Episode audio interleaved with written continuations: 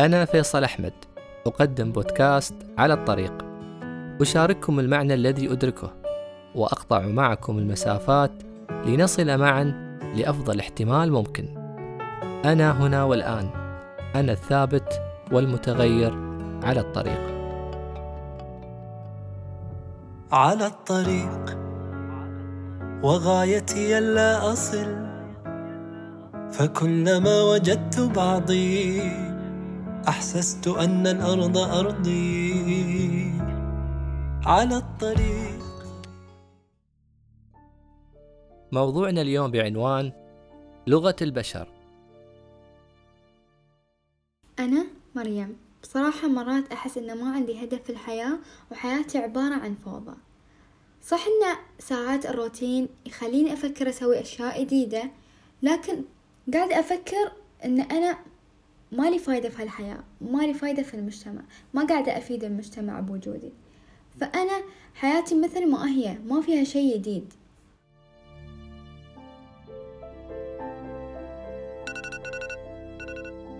كعادتها في صباح كل يوم.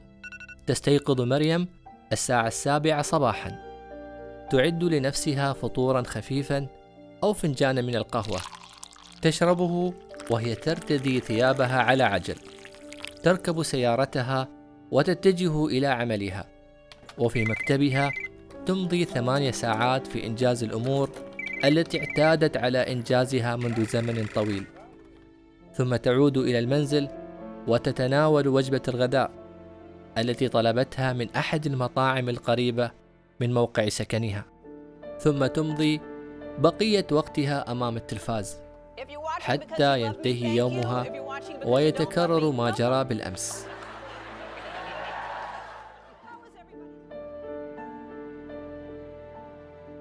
من مثل مريم؟ تعيش وحياتها نسخة مكررة من الأيام التي سبقتها والأيام التي ستليها. أفكار تراودنا وتهاجم عقول معظمنا بين الفينة والأخرى وما أصعبها من أفكار. حين ترافقها مشاعر عدم الوضوح وتشتت الأحاسيس والملل القاتل وموت الشعور بمعاني الحياة الجميلة. لكن لم تغزونا مثل هذه المشاعر؟ لماذا نحتاج للشعور برونق الحياة؟ لماذا نحتاج للإحساس؟ كما لو أن حياتنا تستحق العيش. you don't know why you're here, I encourage you to find out what your purpose is here. What is the meaning of your life? What will be different? Have you ever asked yourself that question? And most people, they go to their graves with their greatness still in them. What if you live your whole life only to discover that it was wrong? الشاعر الأمريكي إدوارد كامينج يقول: ألا تكون ميتا؟ هذا لا يعني أنك حي، فأنت عندما تقف متأملا في من حولك ستجد أناسا كثيرين أحياء، لكنهم فعليا هم أموات من الداخل. يعتقد الكثير منا بأنه إذا لم يصل للشعور بمعنى الحياة العذب سيضيع ويفقد حلاوة قلبه. ويصبح تائها في فراغات الكون وتنطفئ شموع روحه من الداخل. وكما قال جلال الدين الرومي في داخلك شمعة تنتظر أن توقد. في داخلك فراغ ينتظر أن يملأ. أنت تعرف ذلك. أليس كذلك؟ السؤال عن معنى الحياة. سؤال تناوله الكثير من الفلاسفة والعلماء النفسانيين والاجتماعيين من خلال دراساتهم وكتاباتهم ونظرياتهم. وقد اتفق معظمهم على أهمية أن يشعر المرء بأن هناك معنى لحياته ولوجوده وأنه قد يأتي بعدة أشكال. فمنهم من يقتصر معنى الحياة على الدين والتقرب إلى الخالق وآخرون من يجد أن المعنى فقط في قصة حب جميلة. أسرت قلوب العاشقين. والبعض يرى أن المعنى هو أن أنتمي لتلك القبيلة أو حب ذلك الوطن والأرض في حين أنه من الجانب الآخر. وجده البعض بأنه غير مجد التفكير بهذا السؤال أصلا مثله مثل الذي يفكر بإجابة لسؤال عابر ككم عدد الكلمات التي نتفوه بها في اليوم الواحد؟ أو حتى التفكير بطريقة هضمنا للطعام مثلا. في كتابه رسالة منطقية ذكر فيتغنشتاين أن سؤال ما معنى الحياة هو خدعة لغوية. لماذا؟ لأنه من المفترض أن تكون له إجابة ورأى بأن الفلسفة لن تستطيع الإجابة على هكذا أسئلة لأن في حقيقة الأمر لا إجابة لها. بينما يقول الكاتب الروائي دان براون إن العيش من دون إدراك معنى العالم هو أشبه بالتجول في مكتبة عظيمة من دون لمس الكتب بين فلسفة فيتغنشتاين وكلام دان براون يا ترى أين تكمن الحقيقة؟ عندما نطمح لتحقيق شيء ولا نحققه وعندما نرسم لنا درب توقعات مزهرا بالآمال لأنفسنا فنتوه ولا نصل. لماذا يا ترى تنشأ بداخلنا معاناة صامتة؟ وحتى عندما نرغب بشيء ويتحقق كما نريد لماذا نجده سرعان ما يتلاشى بريقه؟ ونعود إلى تلك النفس المحتاجة التواقة إلى شيء ما. ما نتوق إليه ليس معرفة معنى الحياة على وجه الخصوص أو الهدف من وجود الكون بل معرفة معنى حياتنا الخاصة والتي هي سبب وجودنا. أنا وسط الدنيا الكبيرة أنا بحس إني ماليش مطرح أنا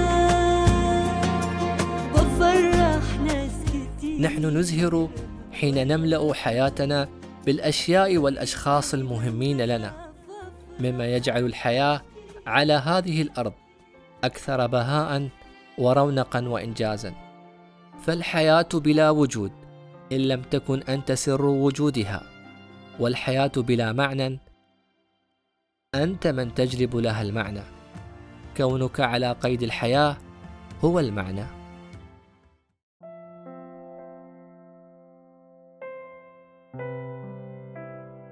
قد تعتقد لوهلة أنك فعلا محبا للحياة لكنك أحيانا تعيش بعضا من التشتت والضياع عن مسار طريقك. ولأن الفكرة ميدان العقل والتجربة ميدان الإنسان. يقول فيكتور فرانكل كان علينا أن نتوقف عن السؤال عن معنى الحياة لأننا بسؤالنا عن المعنى نحن نبتعد عنه. علينا أن نعرف بدلا من توجيه السؤال إلى الحياة إننا نحن المسؤولين من قبل الحياة وأن حياتنا ووجودنا هي أصدق وأدق إجابة لهذا السؤال وأن الرحلة أهم من الوصول للوجهة لأنها تصنع الإنسان.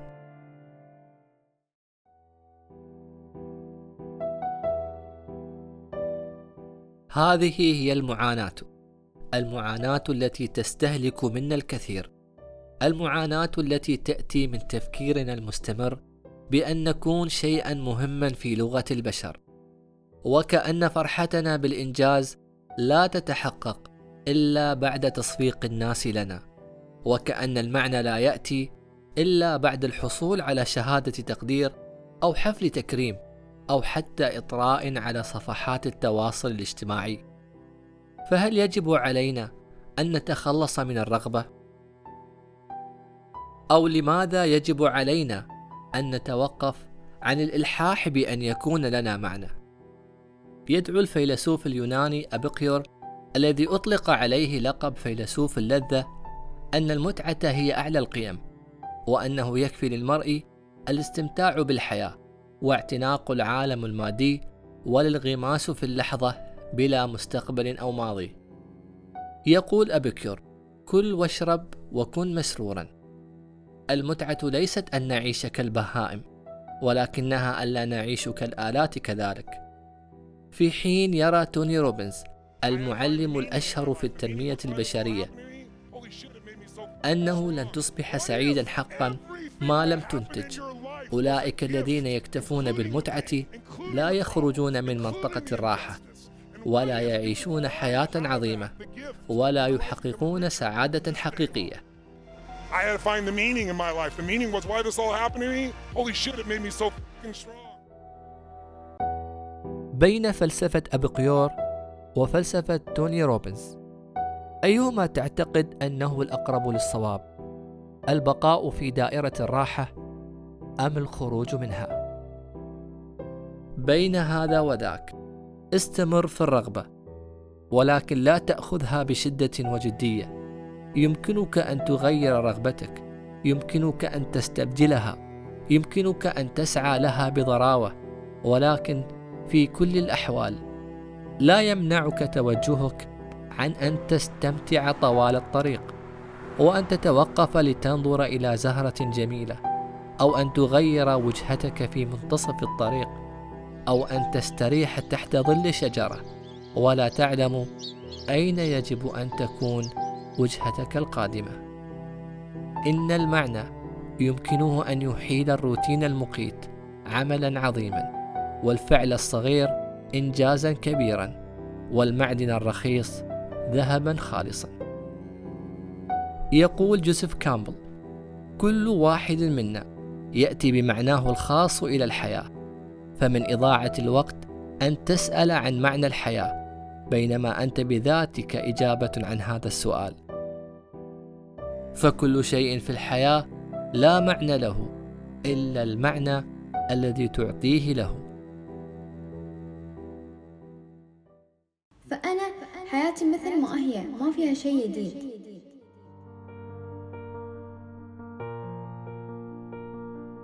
البحث عن المعنى وقت الفراغ الروتين عدم الشعور بالأهمية. أنا غير منجز.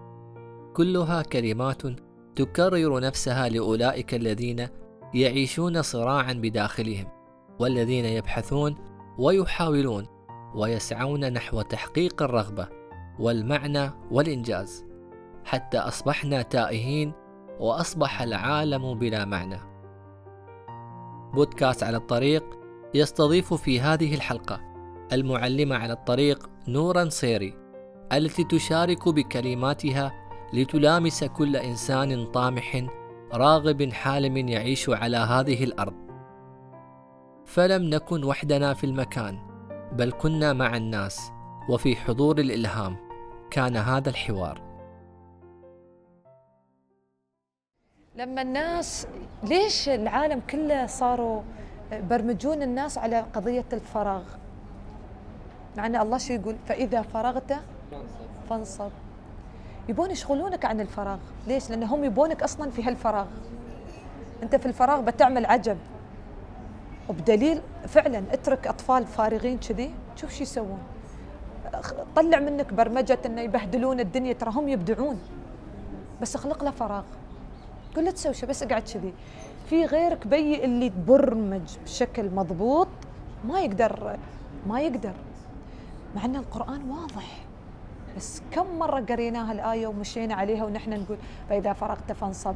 إي شو؟ فانصب. حفظناها بس مو قادرين ندرك ال- الفكرة إن لما فصل الله صار في بعد أعلى صعب نوصل له فيعني بصلي ويدوب اوصل له يعني أنا ما أعرف كيف اوصل له الله أنت تعرف. وفصل المدد. فما قدر يستوعب فكرة العدم. فعشان شي في عالم آخر استغل أن أنت مو فاهم العدم. قام سوا له business يلا نستغل وقت الفراغ. نسوي كورة ونسوي ألعاب ونسوي جيم ونسوي. مع أن أنت ترى هذا العدم في إيدك المفترض أنه ملكك. بس أنت بعته برخيص. عطيت العدم للآخرين.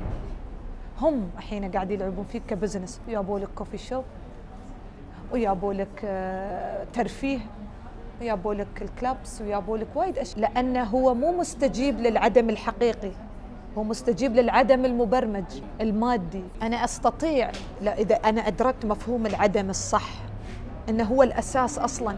هو أنت وجودك أصلا وجودك أصلا الله سبحانه وتعالى لما جابك أنت وجودك هو أصلا عمل. هذا وجودك هذا الوجود. أنت بس ككيان موجود يمشي على الأرض. هذا عمل وإنجاز. لأنك كيان. لكن تعال الحين هذا الوجود الإلهي. يعني هذا حقق الجانب الإلهي. طيب جانبك أنت لما أنت تبتدي تستوعب أن أصلا أنت وجودك هدية. يعني أنت هاي الأرض إحنا ما نقول جنة بلي ناس. ما تنداس. طيب هذا الأرض بلياك ما لها معنى. فأنت لا تزعل لا تقول إن أنا مالي معنى. يكفي إنك موجود. طيب نطلع. هي م- تتنفس بس. يق- أقعد لا تسوي شيء. خليك. اشرب قهوة. روح عند الشجر. روح عند الطبيعه أقعد مع ربعك أتكلم. طيب بني إلى الرغبات. اللي أنت الحين الله أعطاك الحق وأنت استمتعت لأن أنت في الكون الأرض سعيدة فيك. لأن الله شو يقول؟ وسخر لكم ما في السماء وما في الأرض كله مسخر لك.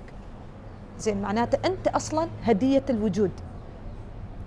كيانك إنسان شو ما كنت اقعد بس تنسدح أنت هدية للوجود. في شيء آخر موجود فيك. إحنا ما نقول روح الله فينا. الله نفخ فينا من روحه. الله لما أراد أن يوجدنا يعني يرى في حديث عن سيدي رسول الله أراد أن يرى نفسه فأوجد خلقه. أنت تبغى تشوف نفسك فتبغى تشوف إنجاز منك. يلا الحين دورك. شو الإنجاز الحلو اللي تبغى تشوفه؟ تلعب كرة؟ أنجز. العب كرة. ترسم؟ ارسم. تغني؟ غني. أه تبغى تقعد مع حد تحاور؟ حاور. تبغي تلبس زي جميل وتطلع للآخرين ويشوفونك أنا جميل وأنا حلو؟ أعمل فاشن كون. تحب تسوي أكل طبخة إنجازك. اليوم هذا الشعور اللي أنت تقول أنا ما أشعر بإنجازي هذا هو شعورك الإلهي اللي موجود فيك اللي يريد أن يرى الإنجاز. الله لما أراد أن يرى نفسه أوجدك أنت وأوجد الخلق. أنت بعد نفس الإحساس عندك. تبغي ترى هذا الإنجاز في نفسك فتقول طيب أنا شو دوري؟ أنا شو أسوي؟ لا تسأل العالم شو يقول لك شو تسوي. شو تحب؟ أنا أحب أغني. غني. غني غني كلام جميل غني. جرب صوفي. إيه، أنا ما أعرف شو أحب. هاي المشكلة إن أنت تعرف أنت شو تبى شو تسوي بس أنت مو قادر تحط في إيقاع الحب لأن أنا طالما عرفت إنك لا تحب. معناته أنت تحب. معناته أنت تحب. مفهوم الضدية في الوجود. يعني أنت حلو إن الإنسان يعيش الضدية أحيانا. يعني خليك اليوم صليت باكر غنيت. عادي شو فيها؟ كنت هذاك اللحظة في حالة في حال وحضور قلب حبيت إنك تقرأ قرآن وبعدين حبيت تنطرب. في كل الأمرين أنت حاضر لكن ما أثر عليك. هذا الفيصل في الموضوع. شو أثر عليك؟ هناك أنت استمتعت وكنت محلق وسعيد وبعدها طلعت منها بإيجابية؟ ممتاز. دليلك في دليلك في الرحلة الأثر. الأثر أم الشعور؟ ولكل هو أثر سواء كان شعور كان إنجاز كان عمل. قد تقول كلمة أنت بس قاعد تتكلم مثل جلستنا هاي ندردش أنا ما أعرف أنا قاعدة أتكلم بشكل عادي. كل واحد قاعد فأنا قاعدة أقول ما أعرف إحنا بس كنا ندردش. هذه الكلمة أثر. طيب أثرك كان عليه حلو معناته حضوري كان حلو معناته الإنجاز اللي قدمته حلو. أثرك كان عليه سيء لا معناته الكلمة اللي قدمتها كانت غير جيدة والحديث اللي كان لا يليق.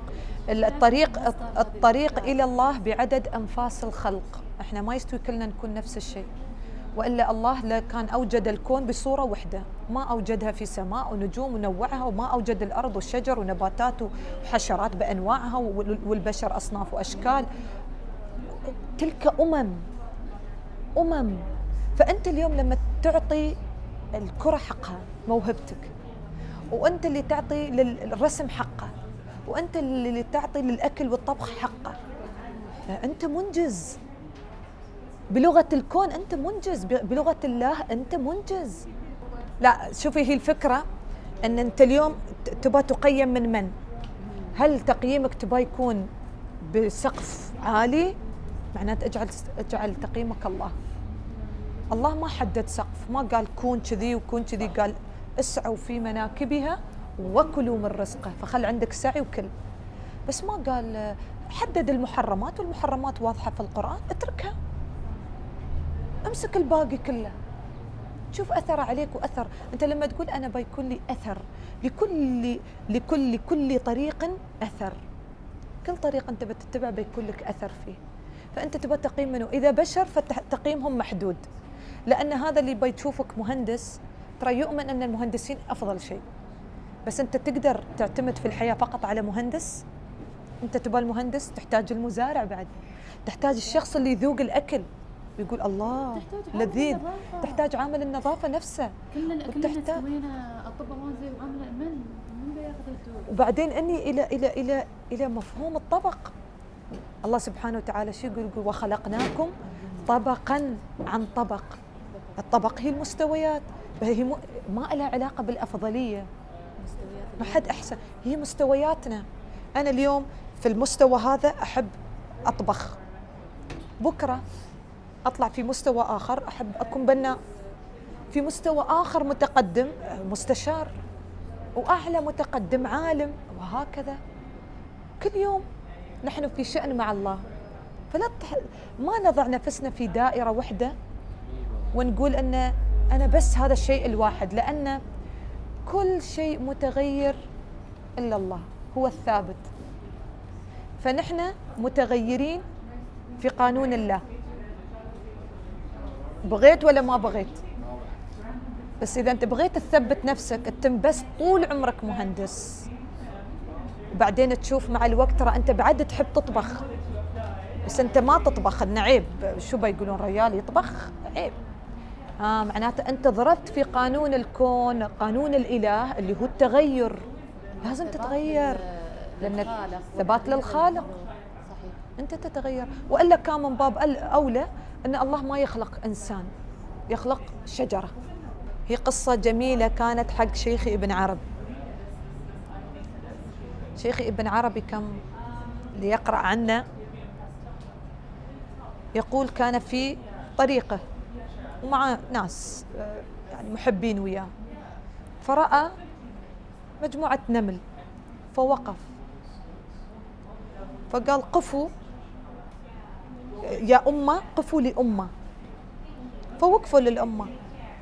فطبعا اللي معاه يمكن ما انتبهوا إلا القليلين أن مولانا قد ينتبه لهذه التفاصيل. وهذه من النعم أن نحن نت- نت- ننتبه لخلق الله بتفاصيلها. فقال أمة تعمل لتعطي ونحن نأخذ. فهي أمة تعطي لأن هي تحرث وتسعى وتسوي ثم تحصل.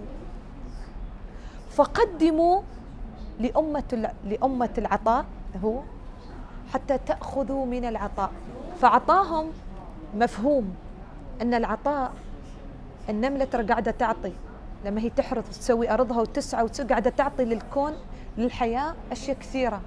الت- حتى يقول لك الحين في علم المزارعين إنه يبون نمل ودود وهذيل عشان يحرثون يحركون الأرض يعني يبونه طبيعي.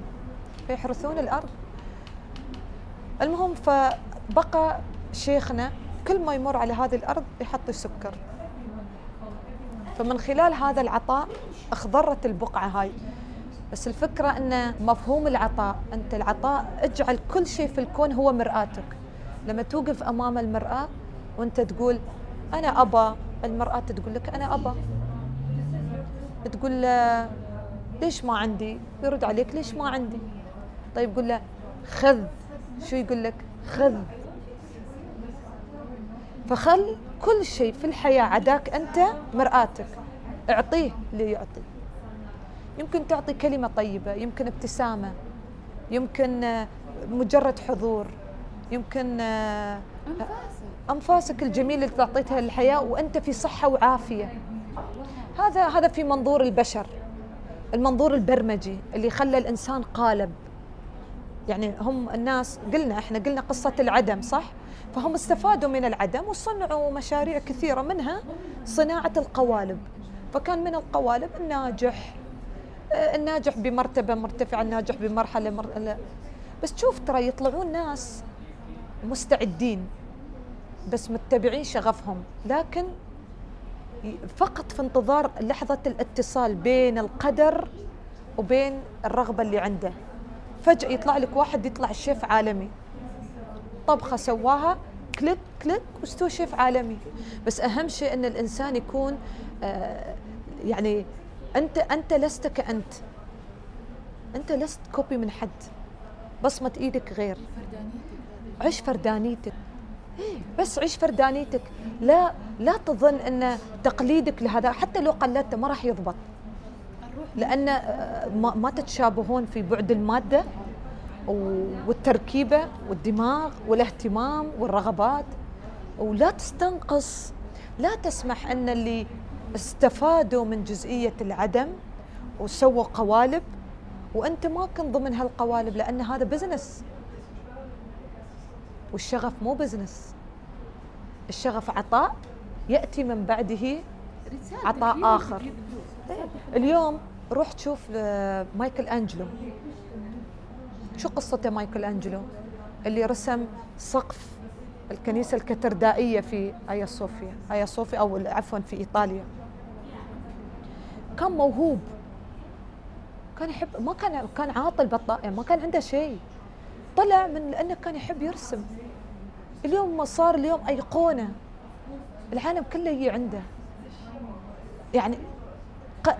تعال لحظة خل أقول لكم عن يمكن يحبون الأكل وما أكل. منو عندنا مقرب هذا الشيف التركي اللي, يقطع اللحم ويسوي أكل آه، نصرت طيب هذا هذا هذا لي- ليش اشتهر؟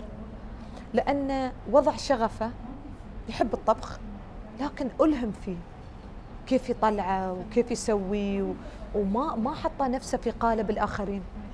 حقق فردانيته لأن الله سبحانه وتعالى الكون مليان. بس إحنا مشكلتنا مو قادرين نتصل ببعدنا الروحي صح عشان نستلهم من الكون. في حد تلهمه شجرة في حد تلهمه عصفورة في حد ليت. إضاءة ظل. الظل لو نحن مرة من المرات تكلمنا على مفهوم الظل. الله ذكره في القرآن؟ ليش ذكره؟ مد الله الظل. ليش؟ ترى هذا بعده وايد عميق وكبير. مفهوم الظل هو الأثر.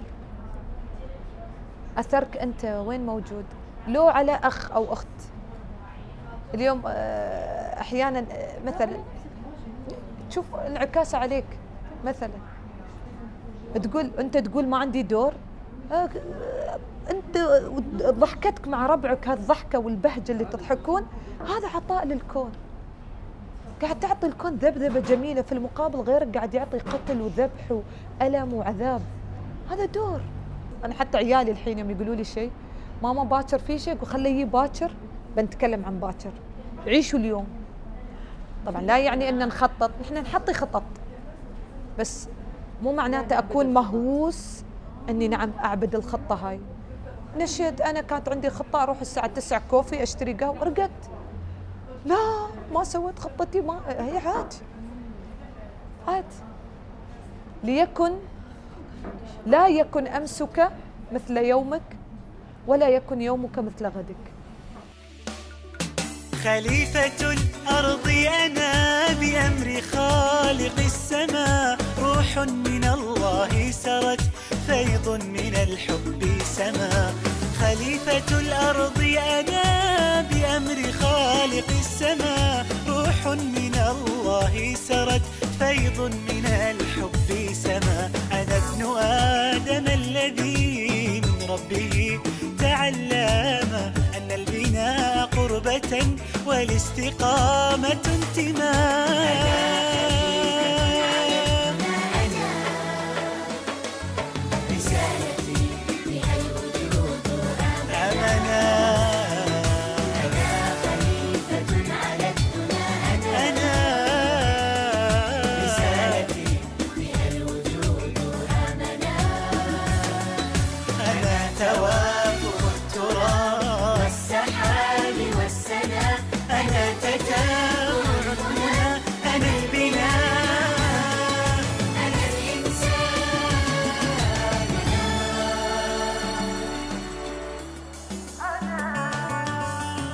هذا البودكاست من إنتاج شركة بونسيانا للإنتاج الفني.